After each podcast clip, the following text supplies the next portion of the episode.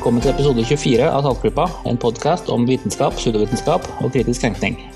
Jeg heter Bendik, og med meg så har jeg Gunnar, Hallo. Lisha, Hallo. Marit, God dag, alle sammen. og vi har en eh, spesiell gjest i dag. Jeg heter Dag Sørås. Jeg er standup-komiker.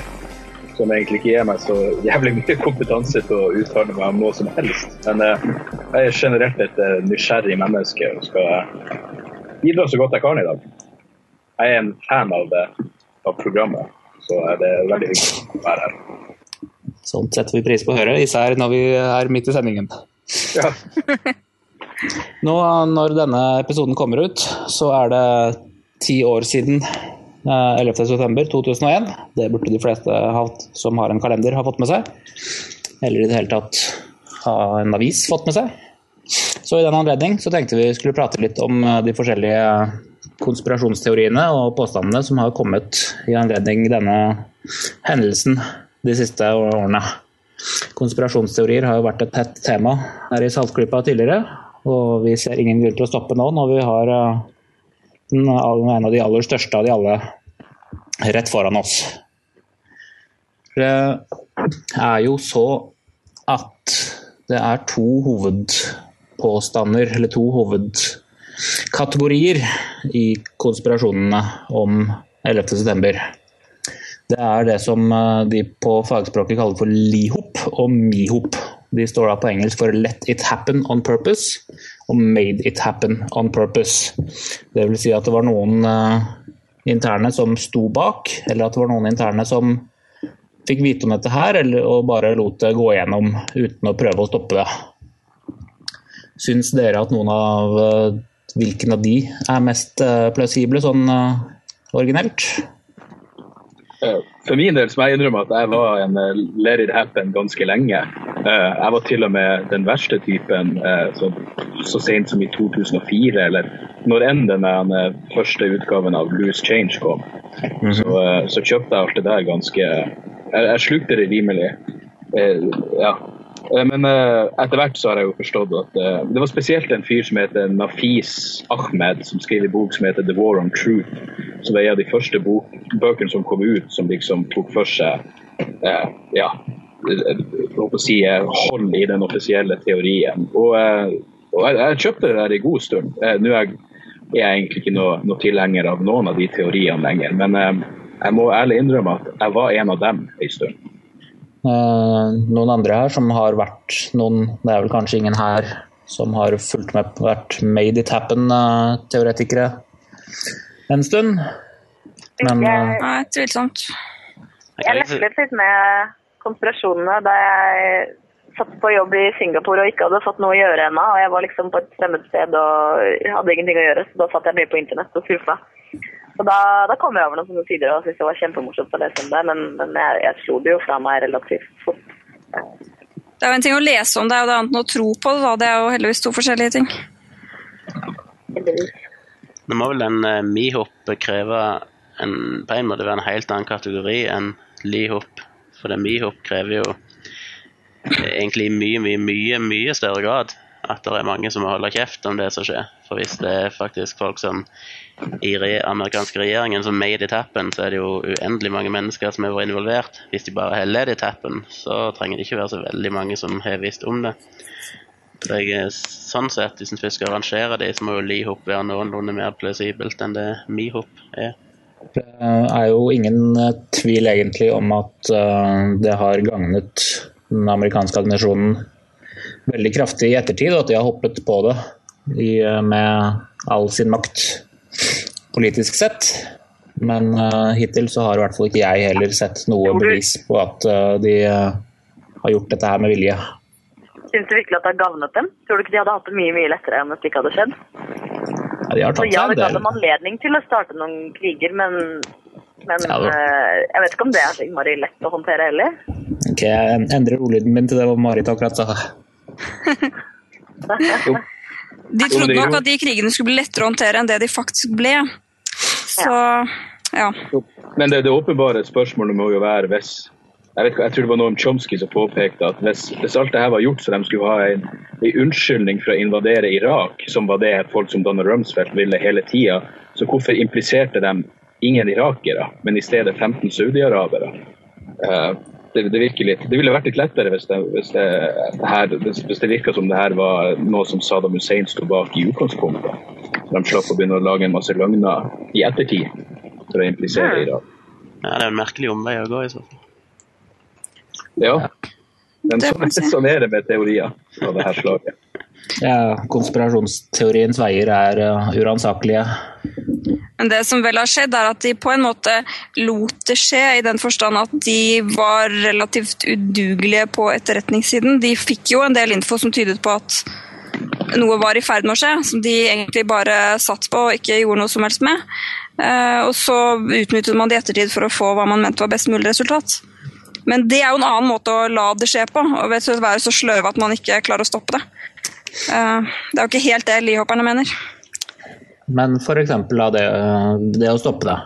Vi har uh, påstanden om uh, under spørsmålet hvorfor klarte ikke det som er verdens mektigste luftforsvar å skyte ned eller stoppe disse passasjerflyene. Det første som uh, vi hørte da, var jo at Dick Cheney ga militær ordre om å holde seg unna. Noen som har noen kommentarer til den påstanden? Jeg må bare si, nå så jeg Før denne sendingen her, så så jeg den debatten mellom eh, folkene bak Loose Change og eh, de forfatterne i Popular Mechanics, som har skrevet en bok om disse 9-11-mytene. Og De snakker litt om akkurat dette. og det er klart at hvis det, eller den 10. september 2001 så tror jeg ikke det er veldig mange som hadde ønska seg et samfunn der med en gang et passasjerfly skjena litt ut av kurs, så kom det et jagerfly og skjøt de ned. Altså, en, en, ønsker jo på en måte kan, Det er ikke så det, altså, det er lett å være etterpåklok, sånn som med 22-7 her ja. i, i, Norge. Mye, når vi vet hvor tragisk det ble, så er det lett å si mye rart. Men når du ikke aner hva som kommer til å skje, så er det klart at den ordren om å skyte ned et fullt passasjerfly må sitte temmelig langt inne. Hvilke rutiner og regler de hadde for det, det tør jeg ikke si, men jeg skjønner jo den menneskelige aspektet i det. om ikke annet. Man må også tenke seg at Hvis dette hadde gått galt, hvis de hadde skutt dem ned og det hadde vist seg å være falsk alarm, så ville jo det vært total kjempekrise og helt umulig for regjeringen at noe sånt skulle ha skjedd. Så ja, det er lett å være etterpåklok, som du sier, Gunnar. Men det, det, er vel også et faktum at det var noen øvelser den dagen som involverte kapra fly, som gjorde at de på et tidspunkt rett og slett ikke visste hvor mange fly som var kapra. Og en del av de eh, eh, jagerflyene som de sendte opp, ble sendt i feil retning ut av ren forvirring. Konspirasjonsteoretikerne overser vel ja, det at militæret også kan være inkompetent når ingen har oversikt over hva som foregår. Noe av det som satte spikeren i kista for meg da jeg satt og leste på kontoret der, var, var nettopp det som sier, den menneskelige inkompetensen som bare er så, så realistisk. Jeg leste noen sånne transcripts fra sånne forsvarssentre, og de skulle ha en sånn militærøvelse den dagen. Og, og det var så forvirring, da, ifølge de opptakene som var gjort der, som, som alltid går, så man kan høre hva som blir sagt og sånn hvis det skulle skje noe. Det var, det var bare helt utrolig å høre hvor forvirra de var. Og, eller rett og slett ikke noe, ikke noe overraskende å høre hvor forvirra de var. Hvor sjokka de var. og bare 'Å, herregud, nå er det tre fly'. Nei, nei, nei, det er bare to, fordi du, nå blander du Det var to like tall, ikke sant. Og så, ja. Det var vel også et poeng at, at forsvaret av USA var mye bedre forberedt på farer som skulle komme utenfra landet Eh, ikke interne greier hvor, hvor si, lokale fly ble kapra. Men så er det jo selvfølgelig også løgn som Condoleezza Rice gikk ut og sa at ingen kunne forutsette det her. For de hadde jo forutsett at det kunne skje. Eh, og en av de øvelsene involverte vel noe lignende, uten at det beviser noen verdens ting. Men jeg tror dette med forvirring er et sånn veldig viktig stikkord når det gjelder konspirasjonsteorier. For det kommer vi litt tilbake til seinere òg, men, men først og fremst forvirring når det skjer, som skaper menneskelig inkompetanse, eller mennesker som rett og slett ikke vet hvordan de skal forholde seg til situasjonen. Det kommer ekstremt mye motstridende informasjon. Men det lager jo grunnlag for konspirasjonsteorien etterpå. For at de første døgnene, de første timene dette skjer, så er det så mye informasjon som flyter fritt rundt, som er fullstendig ufiltrert og fullstendig uten noen sikre kilder. Og Hvis en begynner å plukke vilt ideer og sette sammen puslespillet, så er det ikke vanskelig å finne argumenter for alle mulige slags ideer. Men igjen så må en jo hele tiden huske på at dette er mennesker det dreier seg om. Det er rykter, det er forvirring. Og det må en ta med når en skal filtrere ut hva som faktisk er solid materiale å bygge teorier på. En av grunnene til at de ikke stoppet flyene, kan jo selvsagt være fordi det ikke var noen fly å stoppe. Bare for å koppe oss rett inn på de uh, teoriene. Det er jo mange som påstår at det ikke var noe fly Det første var at det ikke var noe fly i det hele tatt som krasjlandet i Pennsylvania. At de er flydd til Canada eller noe sånt noe for å behandles der borte. Men det er også de som mener at uh, f.eks. flyet som krasjet inn i Pentagon ikke var noe fly, men at det var et missil. Ja, det, det, Loose Change kjører jo den der. og de, Jeg tror de blir spurt i et intervju hvorfor de ikke tok med liksom, de utallige øyenvitnene som faktisk så tydelig så et fly. Men uh, jeg tror de sa noe sånt som at de fremstilte si side av saken. Eh, som sier ganske mye. Du stusser jo jeg også på, Dette er faktisk en konspirasjonsteori som jeg har tenkt på lenge. nemlig det, det, skulle visstnok være en bensinstasjon med et overvåkningskamera mot Pentagon. Og Jeg vet ikke om de her rapportene er verifisert, men FBI-agenter hadde visstnok henta de opptakene. Det kunne vært en konspirasjonsteori at FBI sitter på opptak, tydelige opptak av et fly som styrte inn i Pentagon. Og så lar de folk kaste bort tida på de her teoriene. Hvis det noen gang skulle komme til det punktet hvor folk virkelig begynte å kreve svar, eh, altså at folk flest virkelig begynte å tro at det var noe de ikke hadde fått fortalt og kreve svar, så kunne du bare vise de her opptakene, og så ville det vært case closed en gang for alle. Jeg tror myndighetene er glad for at folk kaster bort tida på denne type svar. Da, i stedet For å, for det er, jo, det er jo åpenbart folk som er politisk engasjert på et eller annet vis, som, som er involvert i de her bevegelsene. Og det at, de bruker bort, det at de bruker all energien sin på det vi alle ser på som tøv, betyr at de ikke bruker energien på viktigere ting, som f.eks. genuint antikrigsarbeid, som faktisk kunne fått positive resultater. Vi har jo sett litt av det samme her i Norge etter 22.07. For det er helt klart en del overvåkingskameraer som har fanget opp denne eksplosjonen ut forbi regjeringsbyggene. Og det er konspirasjonsteoretikere som allerede har vært ute selvfølgelig og lurt på hvor er de videoene hen. Hvorfor blir ikke de offentliggjort? Men det handler vel òg mye om menneskelig hensyn. Det er kanskje ikke så veldig behagelig å slippe fri videoer som viser at en del mennesker blir drept foran kamera. Så det er kanskje like greit at de ikke blir offentliggjort. Ja, En liten anekdote om eh, Pentagon. Eh, jeg kjenner en dame som eh, jobbet i Pentagon. Og hun hadde forsovet seg til jobben den dagen. Og kom da kjørende inn på flyplassen, nei unnskyld, på parkeringsplassen. Hastet, hastet mot inngangen sin og ser en ildkule komme ut av himmelen og treffe kontoret sitt. Tilfeldig? I think not. Nei, det kan det jo ikke være. Nei. Så hun, hun bærer nok på noen statshemmeligheter som hun ikke vet om. Alex Jones er jo en av de store en av kanskje den største av dem alle i USA. Og eh, jeg tror samme dag, altså 22. juli på hans radioprogram så snakka han om at 22. juli var åpenbart en innsidejobb. Og han beklaga å måtte si det, men det var dit bevisene peker. Så, eh, så det, det, er jo automatikk i de her tingene. På samme måte som selvfølgelig 7. juli-bombingen i, eh, i, London måtte være en innsidejobb osv. Det finnes visst ingen genuin terrorisme i den forstand. Problemet er at det vil bli konspirasjonsteorier uansett. Bare for å ta det eksempelet med, med Pentagon, så bruker konspirasjonsteoretikerne dette um, argumentet med at det ble bare et hull som var x antall meter stort i veggen. Og du ser ikke noe, noe hull etter vingene på flyet og sånn. Eh, den offisielle forklaringen på det er jo at dette er jo ikke en tegneserie. Det er ikke sånn at når et fly krasjer inn i en vegg, så blir det sånn flyforma fint hull i veggen. Dermed så vil eh, vingene og alt sannsynligvis bare brette seg sammen, og det blir bare ett hull. Men hvis det motsatte hadde skjedd, hvis det derimot faktisk var avtrykk av vingene, eller det var et sånn tegneserieaktig spor, så ville de ha brukt det òg. Helt motsatt. Og ville sagt ja, men sånn vil jo ikke et fly eh, se ut. Dette er jo helt feil, og dette må være manipulert av myndighetene, og bla, bla, bla. Så uansett hvilken variant du får, så vil de alltid kunne vri det i en eller annen retning som gjør at de kan bruke det. Så du, du vinner liksom aldri. De ønsker jo å tro på dette her, så de vil jo tilpasse virkeligheten til det de på forhånd ønsker å tro, dessverre. I, også i Pentagon så er det jo mange vinduer i nærheten av krasjstedet som fremdeles står. hvis noe på størrelse med en 757 krasja inn der, så ville det jo knust mange flere vinduer enn hva som faktisk eh, ble knust der. Ja, Det hørte jeg jo i den debatten med Popular Mechanics, så fortalte de jo at uh, kort tid i forveien så hadde de nettopp rusta opp den delen av bygningen med mer uh, bombesikre vinduer, bl.a. fordi at de hadde hatt en eksplosjon i, i Kenya eller dette terrorangrepet. Iallfall så hadde de forsterka hele bygningen, iallfall i det området. Men det er klart, da blir jo det et argument for konspirasjonsteoretikerne at aha, hvorfor gjorde de det akkurat der? Det er jo det Loose Change sier, at de krasja inn i den delen av Pentagon som var ekstra godt utrusta, og det var minst folk der. Som om eh, det beviser noe.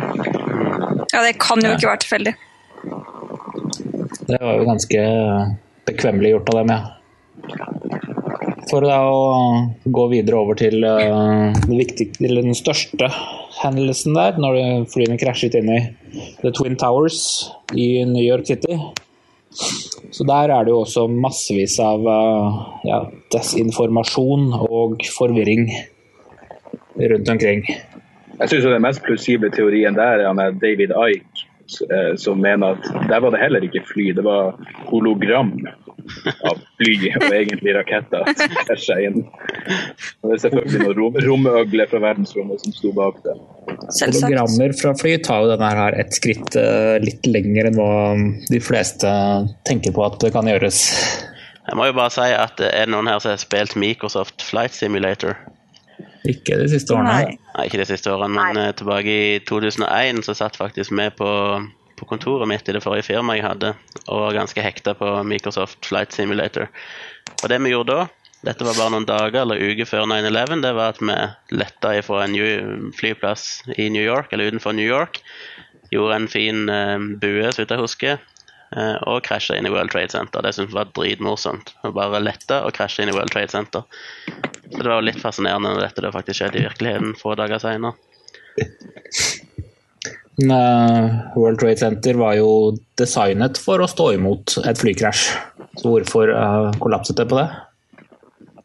Fordi det skjedde jo for lenge siden, da flyene var mindre og ikke fløy så fort.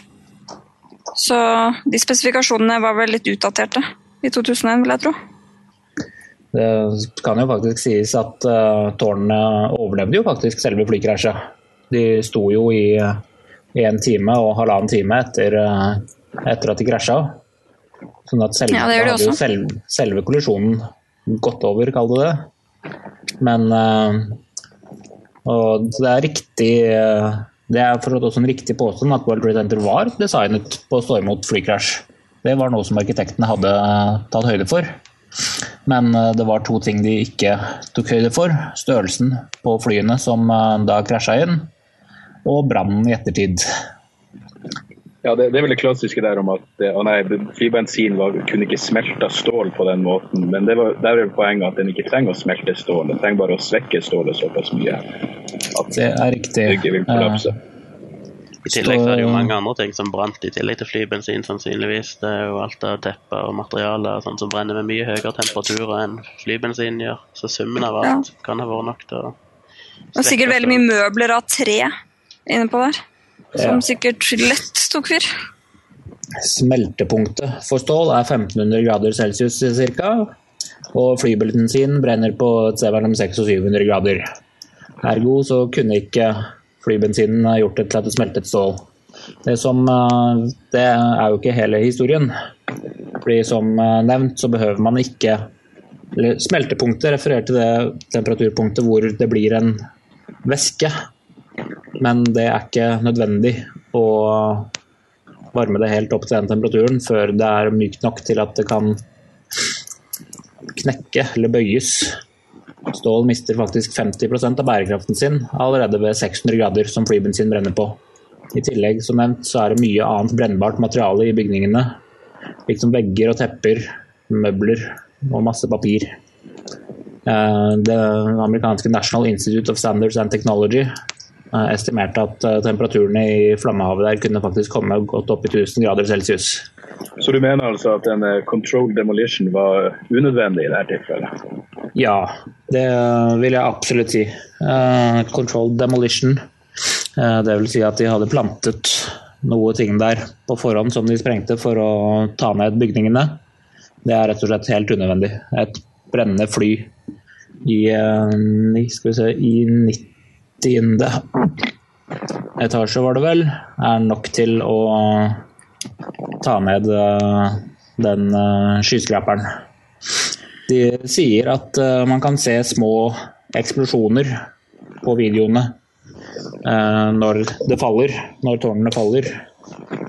Og at disse små eksplosjonene tyder på at det er en kontrollert demolition. Men det er også ikke nødvendig.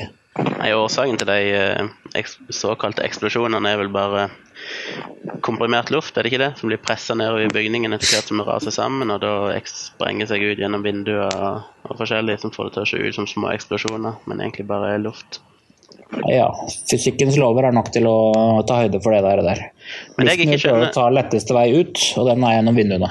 Men det jeg ikke skjønner med disse konspirasjonsteoriene, er at hvis de hadde forklart et eller annet som i utgangspunktet virker forferdelig usannsynlig eller overraskende, sånn som 9-11 var, det var ingen som liksom hadde tenkt at dette kunne skje.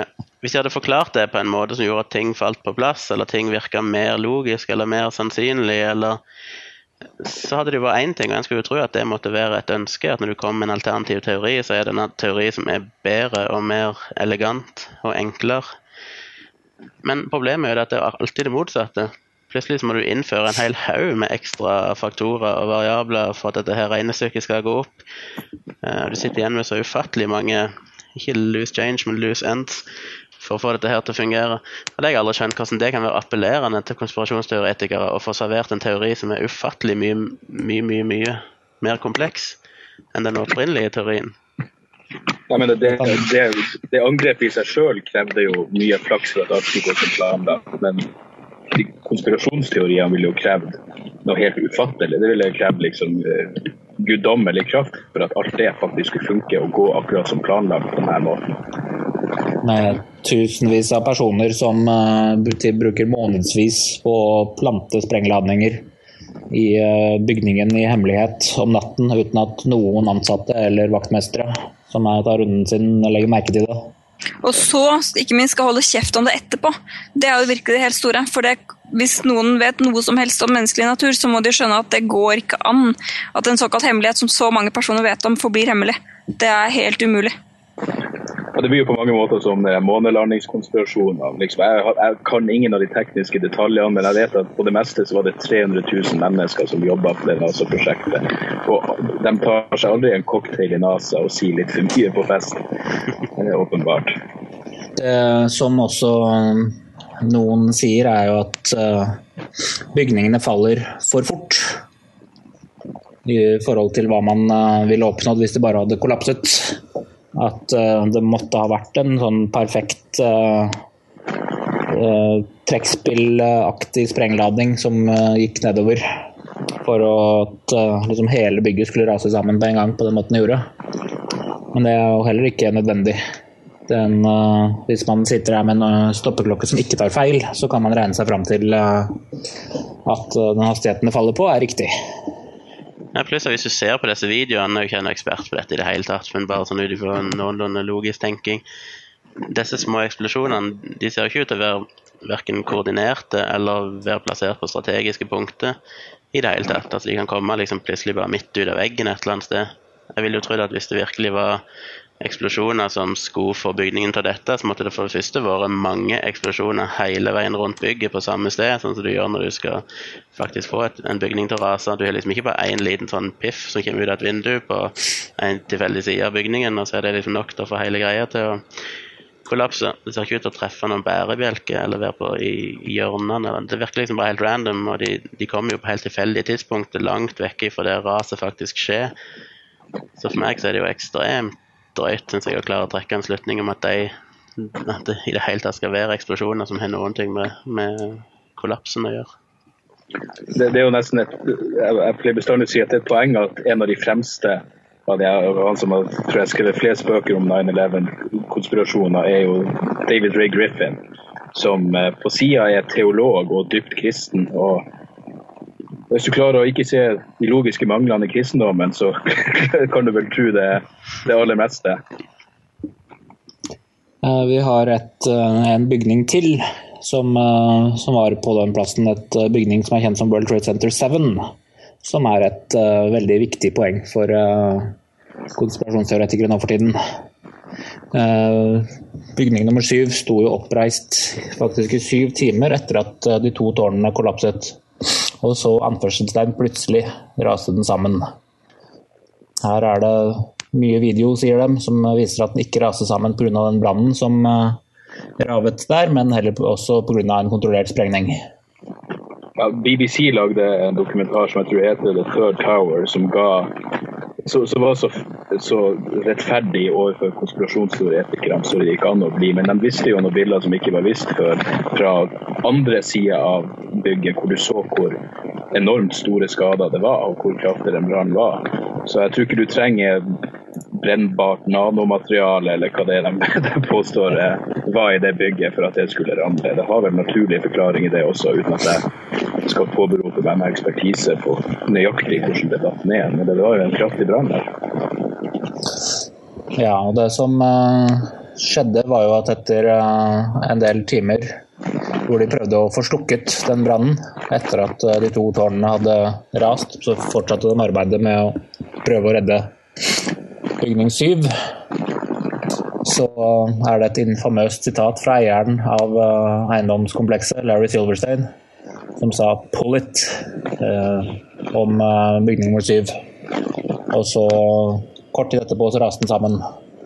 Ja, jeg har sett det opp. Jeg, jeg, jeg, jeg vet at de bruker det, akkurat det der sitatet i de fleste av, av de dokumentarene. De utallige dokumentarene om det emnet. Men jeg forstår jeg forsto jeg forsto at det han mente var selvfølgelig ikke at nå sprenger de bygninger, for da måtte den jo være klargjort for sprengning allerede. Så hva var egentlig forklaringa på det sitatet? Det Var den det? Selvsagt. Ja, OK, selvfølgelig. Jeg glemte, jeg glemte fra Nei, det, det, som er den offisielle historien eh, til Larry Silverstein, er jo at han sa 'pull it' om, eh, om det. Det var jo bare en eh, kommando til brannvesenet som sa at uh, dere behøver ikke bruke mer tid og krefter på denne bygningen her, dere har bedre ting å gjøre. Og vi kan bare si screw it denne bygningen her og la den brenne, og i ettertid så var det et godt, lurt uh, ordre å gi. Men uh, aller verst, teori, konspirasjonsteorien, er vel de personene som som kaller det bare vet at det var en inside-jobb, uten videre argumenter. Har noen av dere snublet borti de noen gang? Jeg har, jeg har hatt folk på standup-showene mine som har blitt oppriktig fornærma over at ikke jeg kjøper konspirasjonsteorier. Bare fordi jeg prater om politiske ting og er mistroisk måten makt fungerer på generelt, så, så, tror de bare automatisk at de er på deres side. Og jeg, det, det, jeg kunne for dem så kunne jeg like gjerne kommet ut av skapet som kristen. Så sjokkert er de over at jeg setter spørsmål med deres illusjoner. Så jeg har så absolutt vært, vært borti de folkene. Og, og psykologien er jo interessant i seg sjøl, men det er jo ofte basert på absolutt ingenting. Jeg mener, jeg synes det mest det, Eksempelet bestandig gir dem som var i en eller annen Jeg tror det var den BC-dokumentaren. Uh, Loose Change påstår at det flyet som krasja i Shanksville i Pennsylvania, det var funnet vrakrester så langt unna at det umulig kunne vært en vanlig flystyrt. Det måtte ha vært skutt ned, for avstanden til de, de, de vrakrestene som var lengst unna, var så langt unna. Vel, det Loose Change åpenbart hadde gjort, var å gå inn på Google Maps og finne avstand. Men de hadde funnet kjøreavstand. Og med bil så var det en lang omvei for å komme seg dit. Men i luftlinje var det absolutt en sjettedel av avstanden som ville forklart hvorfor vrakene lå der hvis det var en vanlig flystyrt. Men, men, men folk hører jo ikke etter. Det er jo virkelig som å diskutere med Jehovas vitner hvis de først har bestemt seg. Det er få eh, av de konspirasjonsteoretikerne på, på dette området spesielt som, som, som, kommer til deg med et åpent sinn. De skal overbevise deg, og det er ikke en debatt, det er virkelig en, en, en monolog. I den debatten mellom Loose Change og Popular Mechanics er det fascinerende å høre hver gang disse folkene fra Popular Mechanics som jeg snakker med eksperter på området, og legge fram en fullstendig forståelig og rasjonell forklaring på forskjellige fenomener. Så det eneste svaret disse Loose Change-folkene har, er at 'you're a liar'. Det er liksom det argumentet de har kommet med i retur, det er at det, det er løgn. For til syvende og sist er det jo det de mener, at alt bare er løgn. Så til og med om du kommer med en fullstendig god forklaring, så er liksom ikke det interessant for de i det hele tatt, for dette er en løgn ferdig med det. Hvis du forklarer noe som går imot det de sier, så er jo du åpenbart en del av the cover-up, ikke sant? Så da kan vi høre på deg, da. Jeg tror ikke bare det er det. Jeg tror Etter ti år så har de her folkene så mye investert i det at dette er en del av deres personlighet og selvbilde nå. At det er helt åpenbart at absolutt ingenting kunne Ingenting kan motbevise noe av det de sier i denne serien. Det blir jo det er jo akkurat det samme opplegget som med antivaksine og, og den gjengen. altså Uansett hvor gode argumenter du har, hvis du har gode argumenter, så er det jo bare konspirasjon. Da er du en del av konspirasjonen. Og alle gode studier er jo kjøpt og betalt av legemiddelindustrien. Mens alle studiene som de klarer å finne, de er jo selvfølgelig objektive og gode og betydningsfulle. Så det er, jo, det er litt av det samme. De har liksom investert. Det, det har gått over til å bli en religion. altså det, det er hele deres identitet på et vis, og det er jo helt umulig for dem å akseptere en annen forklaring. Det er derfor det, det denne Jonathan Kay-boka viser som er interessant, er at han trodde i utgangspunktet at det her var en, en venstreside, at, liksom at de her teoriene var anti-Bush, venstresidefolk, men det er akkurat like mye folk på høyresida, sånn um, antimyndighets Tea Party-typer, som, som, tror på det her. Så det, det, ja, det er både en venstre- og høyre-ting uh, som er litt uh, fascinerende. Men det er hyggelig at de kan enes om dette. Ikke alle konspirasjonsteoriene behøver å være like, eller ses på like seriøse for disse her. F.eks. så gikk det jo en historie rundt om at alle som hadde Microsoft Word installert på sin datamaskin, kunne se en advarsel om dette her ved å velge fonten Wingdings og skrive inn teksten Q33NY, hvor Q33 var flightnummeret på flyet, og NY var, uh, sto for New York. Og da kom det opp en melding som uh, viste et uh, dødninghode og et uh, davidsstjerne og et fly og to uh, bygninger. Dette her var jo da tydeligvis et tegn på at Microsoft og Israel sammen sto bak uh, 9-11, og de la inn denne som en advarsel. Jeg tror jeg hadde fått med meg alle teoriene, men den har jeg aldri hørt. Det var ikke noe lignende hvis du tok en dollarseddel og bretta på en helt spesiell måte, så fikk du liksom opp World Trade Center og et eller annet eksplosjoner og noe greier. Du kunne Ja, ja. Jo, det var en greie. Jeg husker det. Og det sto vel sikkert i bibelkodene også. Alt står i bibelkodene. Jeg syns, jeg syns det er veldig, veldig veldig fascinerende med dette her eh, Den påstanden om at den godeste Nostradamus faktisk spådde 9-11.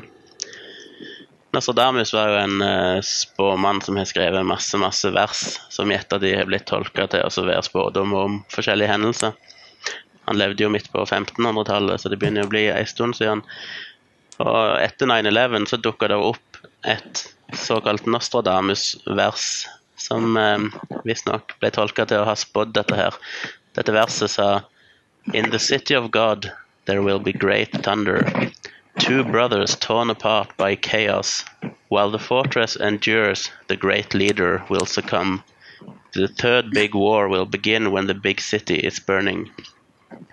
Så her var det jo klart New York. Du hadde Two Brothers, som er selvfølgelig de to tårnene. The City of God var av en eller annen merkelig grunn New York City, selv om ingen egentlig kan forstå hvorfor i all verden det skulle være New York City. Great Thunder er selvfølgelig eksplosjoner osv.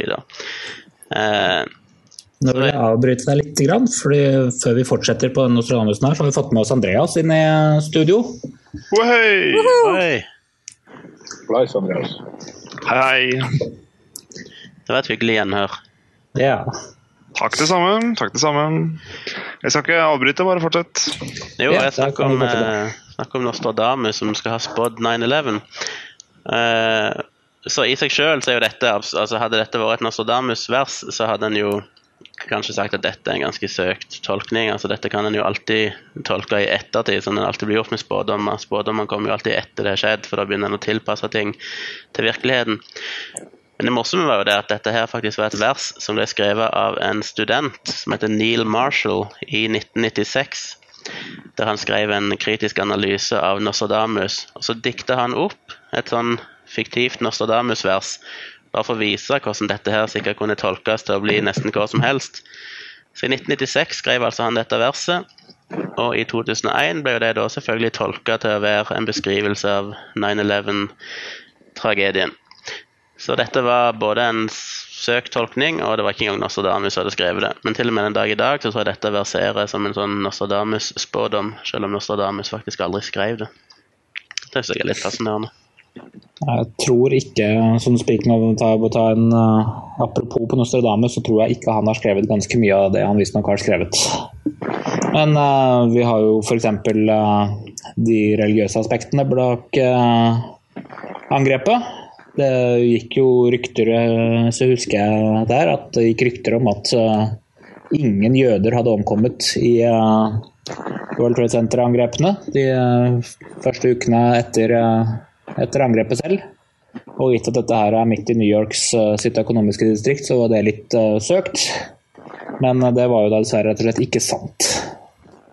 Ja, det, det, er nesten noe av det mest forstyrrende med de teoriene, den typen rasisme. Ikke bare det med at, ingen, at jødene på et eller annet vis visste om det, men også det der, det er bare den tanken at nei, sier du at noen, noen folk i ei grotte i Midtøsten ikke hadde tenkt ut det her, akkurat som de ikke skulle være i stand til, i stand til det i utgangspunktet. Det synes jeg, jeg jeg pleier å vitse om det. Jeg pleier å si Vet dere hvor mange CIA-agenter som trengs for å, for å, sprenge World Trade Center? Så sier jeg nei, det var jødene som gjorde det, ikke det. Vi blir bestandig møtt med litt stygge blikk av de som ikke skjønte. De som ikke kan, kan uh, konspirasjonsteoriene sine. Men uh, ja, nei, det, det, rasistiske aspektet er jo ganske ekstra forstyrrende. Og likewise så har jeg også hørt uh, historien om at rundt World Trade Center på den dagen så var det ingen taxier, og alle falafelkioskene rundt på gatene var stengt. Og disse her er jo da stort sett drevet av muslimer. Dette her er jo også heller ikke sant. Så var det noen som hadde blandet inn noe film i dette her. Det vet du mer om, Lisha? Ja, det var en litt morsom variant av dette her. Jeg har ikke sett så veldig nøye på Armageddon. Jeg har sett det, men jeg har ikke studert nøye. Det skulle man kanskje gjøre, men der er det i hvert fall de som påstår at i den filmen så er det en meteoritt som krasjer rett inn i akkurat det stedet hvor det første flyet krasjet i det tårnet. Og det skulle jo tyde på ganske klart og entydig at det er Michael Bay som står bak hele greia. Slik at han da, når dette var gjort, kunne vente på at invasjonen av Irak skulle ta til og kaoset der, så kunne han spille en intro til Transformers der. Det ville jo selvfølgelig bli, sikkert bli mye billigere, for da så jo alt ut som et utbomba helvete allikevel. Og trengte ikke betale for spesialeffekter. Endelig en sannsynlig teori. ja, ikke sant? Men, men det virker for meg som om folk, ja, sånn som i 9-11, du, du har liksom en sunn skepsis til ja, kalle makta, som, som, går over til det paranoide. Og, og Noen av de måtene de rettferdiggjør ting på, er jo f.eks. å si at uh, de snakker om de Operation Northwoods-dokumentene. som Det var et forslag fra Joint Chiefs of Staff om å kanskje skyte ned et sivilt passasjerfly og legge skylda på Cuba fra et påskudd for å ja, invadere Cuba.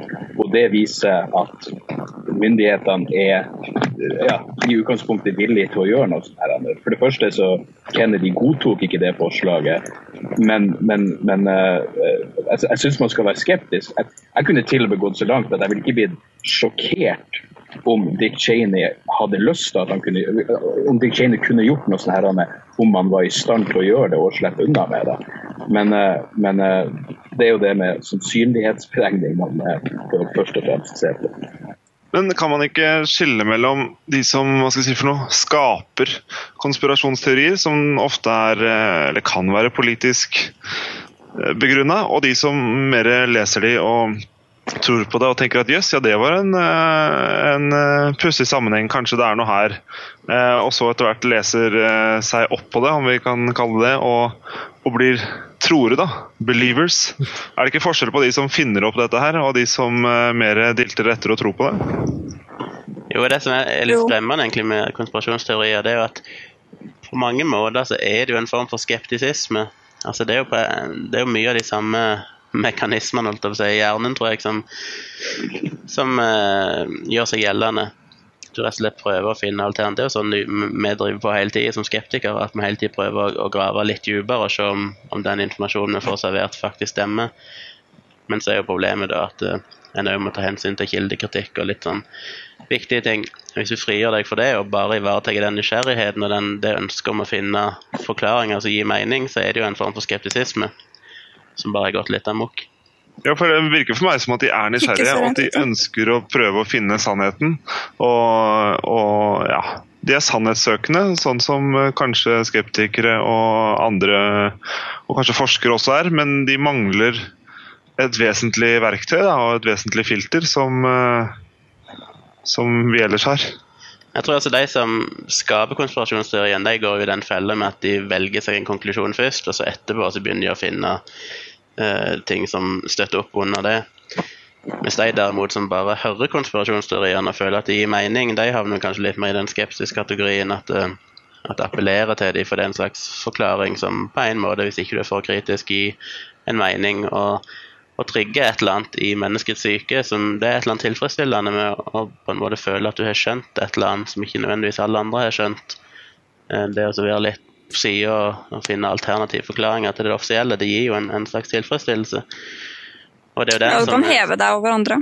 Ja, og som en god skeptiker så må du på en måte velge å ikke nødvendigvis ta den tilfredsstillelsen, for at av og til så er sannheten kjedeligere når du faktisk må forholde deg til fakta.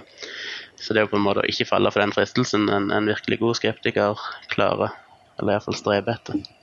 Jeg tror ikke det kan være en, en slags ironisk psykologi i det hele, hvor verden føles litt mer forståelig og litt mindre sprø, hvis det bare er sånn at ja, nei, det er myndighetene eller en gitt kabal med mennesker som sitter og står bak alt det onde som skjer i verden.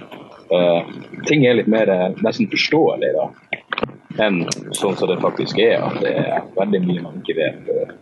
Mange grupperinger ja. der ute med forskjellige interesser. som gjør det ja, jeg tror faktisk at en ting som, det er hvert min erfaring, at veldig mange konspirasjonsteoretikere en ting som de har til felles, er det at de, si sånn, de takler kaos dårlig. Eh, de har veldig sterkt behov for at det skal være en mening og et mønster. Og jeg tror at det som er faktum, er at det finnes ikke en stor konspirasjon som styrer hele verden verden er et kjempekaos hvor ingen har kontroll. Eh, det er for min, som jeg ser det, veldig mye mer sannsynlig, men det fins det en del som rett og slett ikke takler. De klarer ikke å Det blir veldig skremmende for dem. Derfor så har de et veldig sterkt ønske om å finne eh, om å påtvinge et mønster da, på kaoset. Og jo, jo, det ser ut som det er kaos, men det er ikke vilkårlig. For noen trekker i trådene, noen har kontrollen på dette her. Eh, det det syns jeg er noe som er ganske felles for mange sånne. Jeg føler det er mye av det samme innenfor alternativ medisin. Det handler om at du kan ikke akseptere tilfeldigheter i livet. Og Innenfor alternativbransjen så er alt veldig veldig kontrollert, spesielt helse. da. Eh, alt kan styres hvis du bare spiser de rette tingene, hvis du har den rette innstillingen, tar de rette kosttilskuddene eller gjør de rette øvelsene, så kan du unngå kreft. For kreft er liksom egentlig, ifølge mange, en sykdom som er helt unødvendig å få hvis du bare gjør de rette tingene og tar de rette valgene. Så det handler om det at de klarer ikke å akseptere det at kreft kan ramme fullstendig tilfeldig. Eh, de må på en måte ha en slags kontroll over tilværelsen. Og Det føler jeg er litt av en sånn fellesnevner mellom konspirasjonsteoretikere og alternativtilhengere. Ja, absolutt. Kontroll over tilværelsen, det var veldig godt sagt. Det tenkte jeg ikke på, men det er akkurat det de har behov for. Eh, at eh, De klarer ikke å takle at alt bare flyter, de må ha kontroll over tilværelsen. Og så er det jo gode historier også. Det, jo, det er jo en grunn til at vi syns det er interessant eh, utenom rent praktiske konsekvensene du får, så er det jo det er alltid, det er litt mer spennende enn en, en virkeligheten. Jeg kunne jo bare tenkt meg å sagt litt om hvordan sånn typisk konspirasjonsteori kan oppstå. og litt uh, forklaringer for det. for det en, en, ting som har gått igjen litt, det er jo det er sikkert mange som har sett den videoen av når George Bush han, uh, den 11.9. så satt han på ei skole på Booker Elementary School Eh, for å lese en barnefortelling til elevene.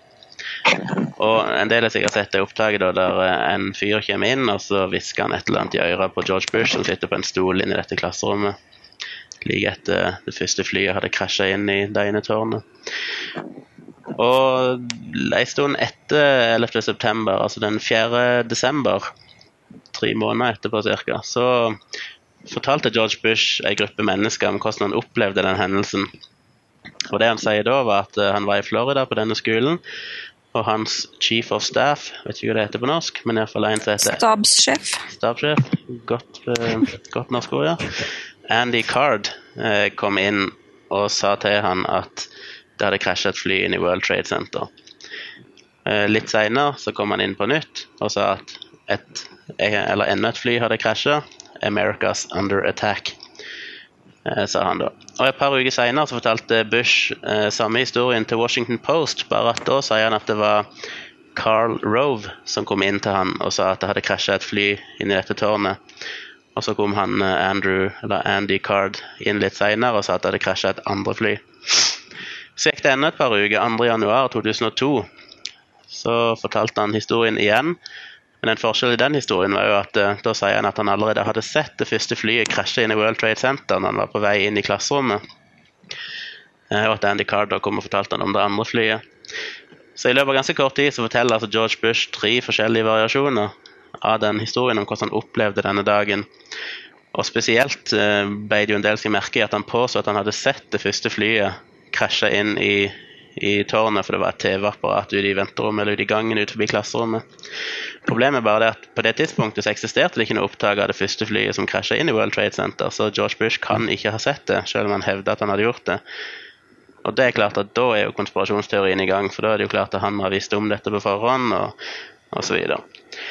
Så Det er et typisk eksempel på en ting folk tar tak i eh, som konspirasjonsteori, selv om en mye mer nærliggende forklaring er at han rett og slett bare husker feil som er veldig vanlig. Altså falsk hukommelse, falske minner, er forferdelig enkelt uh, å få. Spesielt når du hører en historie fra andre kilder, så endrer du din egen oppfatning av disse minnene over tid.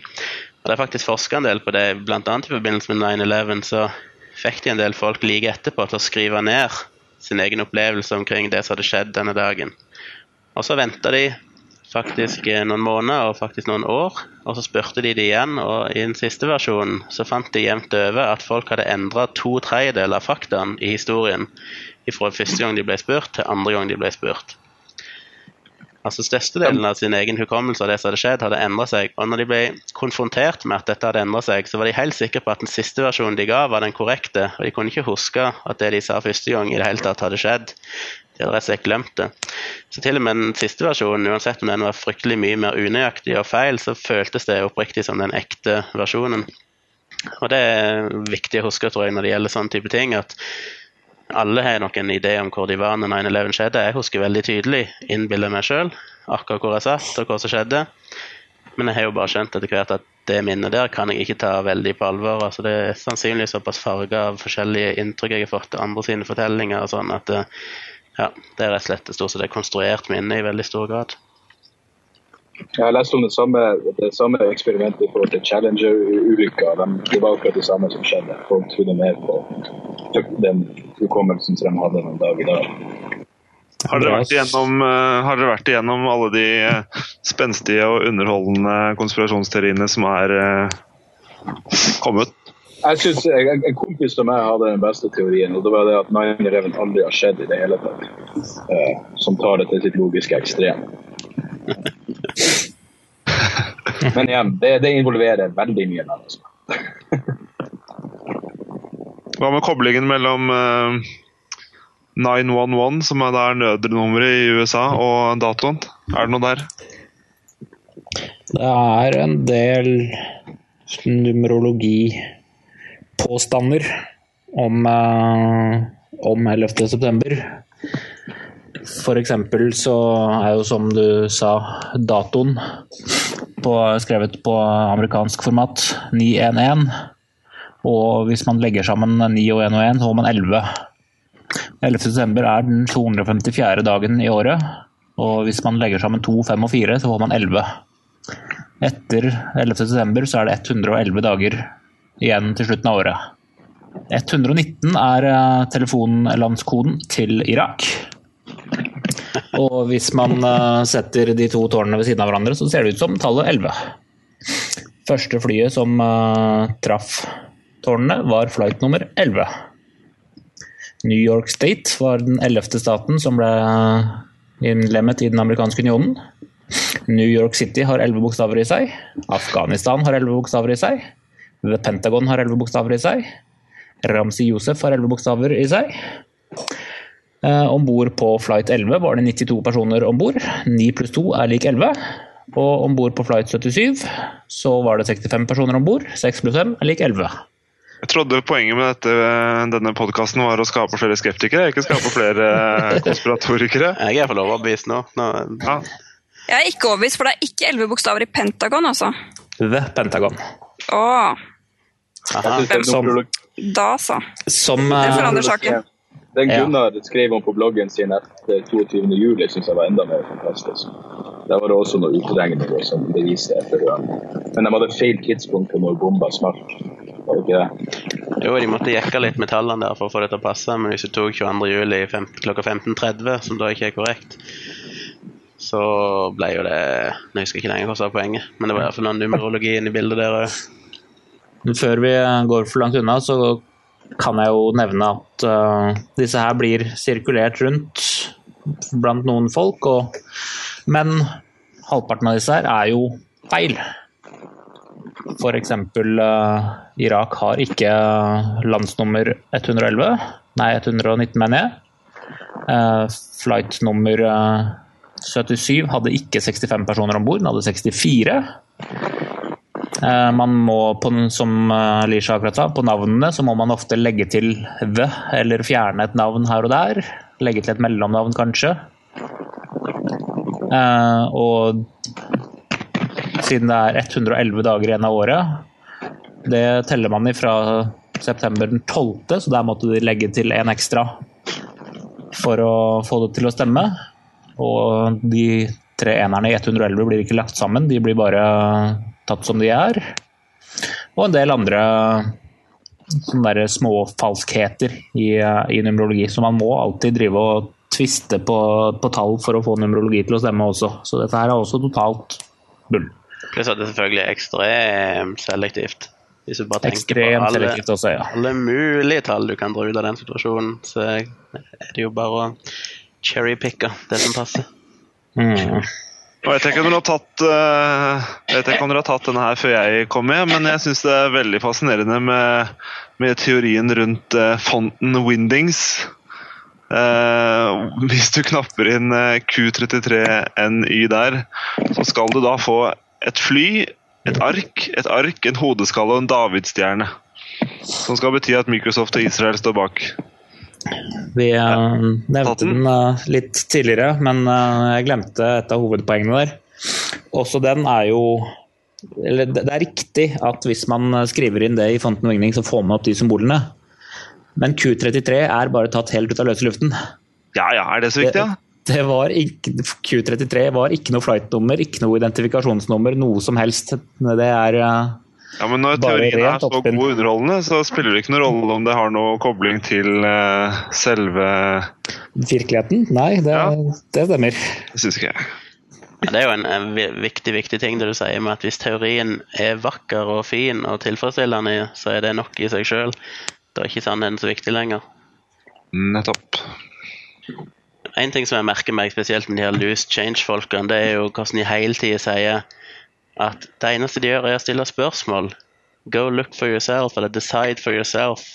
Som er dette her mantraet hos konspirasjonsteoretikere ofte, og for så vidt ja, innenfor mye rart. Antivaksine og forskjellig. Altså, avgjør det sjøl, som om eh, alle er eksperter. Altså, du er din egen ekspert. Her er det bare å se på dokumentasjonen, så vil du komme til samme konklusjon som oss, er deres påstand. Det høres veldig rettferdig ut, det høres veldig riktig ut at folk skal få lov å avgjøre dette sjøl. Men som sagt så er jo ikke folk eksperter, og som regel så har de bare en begrensa utvalg av informasjon til å avgjøre dette på. Og uansett så er det jo ganske tydelig at de, i hvert fall de loose change-folka, de sier det der, men de mener det jo ikke. Den dokumentaren som du eh, Eller dokumentaren er det ikke, men den debatten da, som du snakket om i stad, Gunnar, den har jeg også sett, og der er det jo de sitter og sier det der der. We're just asking questions. Just look for yourself. Just do the research. Whatever. Men så har de da sine motstandere da fra Popular Mechanics som sier at vi har forsket, og vi har funnet det helt motsatte. Og da sitter jo loose change-gutta der og sier oh, that's a lie. Oh, that is so wrong. Oh, da er de liksom helt Så når noen da har gjort research, så godtas det ikke hvis ikke de kommer til samme konklusjon som dem. Så det der er jo bare noe de sier for å få det til å høres bedre ut. Men egentlig mener de ikke. Hvis dere vil se noe som er like flaut som Your Enthusiasm på sitt verste, så er det når eh, David Ray Griffin eh, er på eh, Democracy Now. Og uten at han vet det på forhånd, tror jeg, så eh, ender han opp i en debatt med, det der, med Popular Mechanics-folka. Og, eh, og har virkelig ingenting å komme i det hele tatt. Men han går i det minste ikke så langt som de her Loose Change-folkene gjør med å bare kalle alle idioter. Men eh, den er også verdt å få med seg. Nei, det blir mye, mye av det samme som jeg ser i alternativbransjen òg, sånn alternativ kreftbehandling f.eks.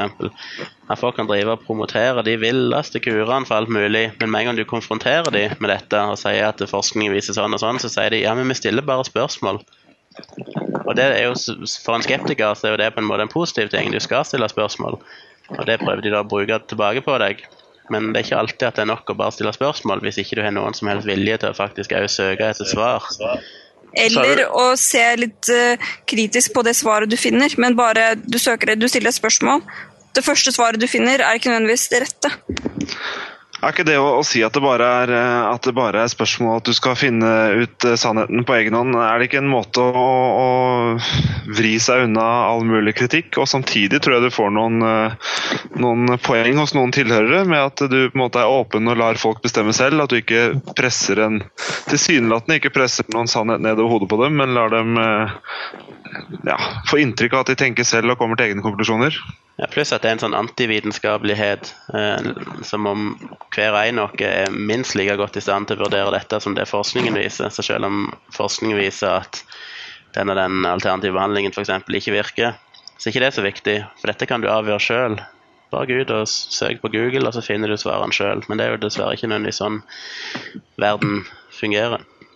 Nei, men Det blir jo problemet med 9-11-folkene og internett. at nå kan du faktisk, De kan leve i sitt eget univers og kun få bekreftelser på det de eh, allerede tror med å gå på de rette nettsidene. Eh, og, og, kanskje ikke engang gidde å lese noe si, vanlige aviser.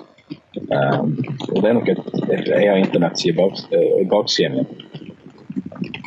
Ja, søker du på 9-11 i dag, så vil det jo tippe at du får fram i all hovedsak konspirasjonsteorier lenge før du får fram skikkelig god informasjon.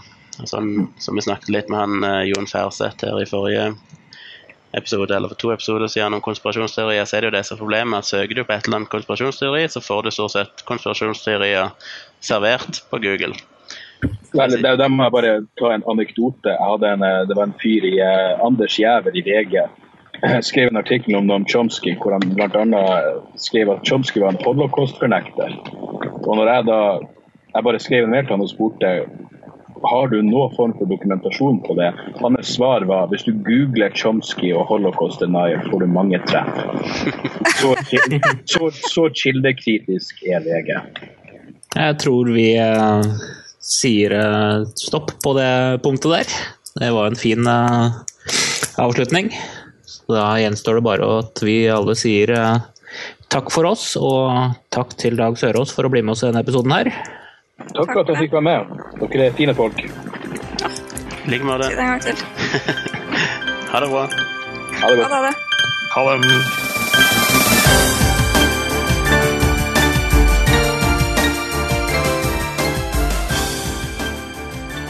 Saltklypa er en norsk podkast som tar for seg vitenskap og pseudovitenskap i samfunnet med et kritisk blikk. Podkasten produseres og drives på frivillig basis, helt uavhengig av noen organisasjon. Vi vil gjerne høre fra deg. Hvis du har spørsmål eller kommentarer, kan du sende oss en mail, legge oss en talebeskjed på Skype eller skrive en kommentar på vår nettside. Informasjon om dette, samt linker og notater til det vi har snakket om, finner du på saltklypa.no. Hvis du regner sammen tallverdiene for alle ordene som ble sagt i denne episoden, så har du for mye fritid.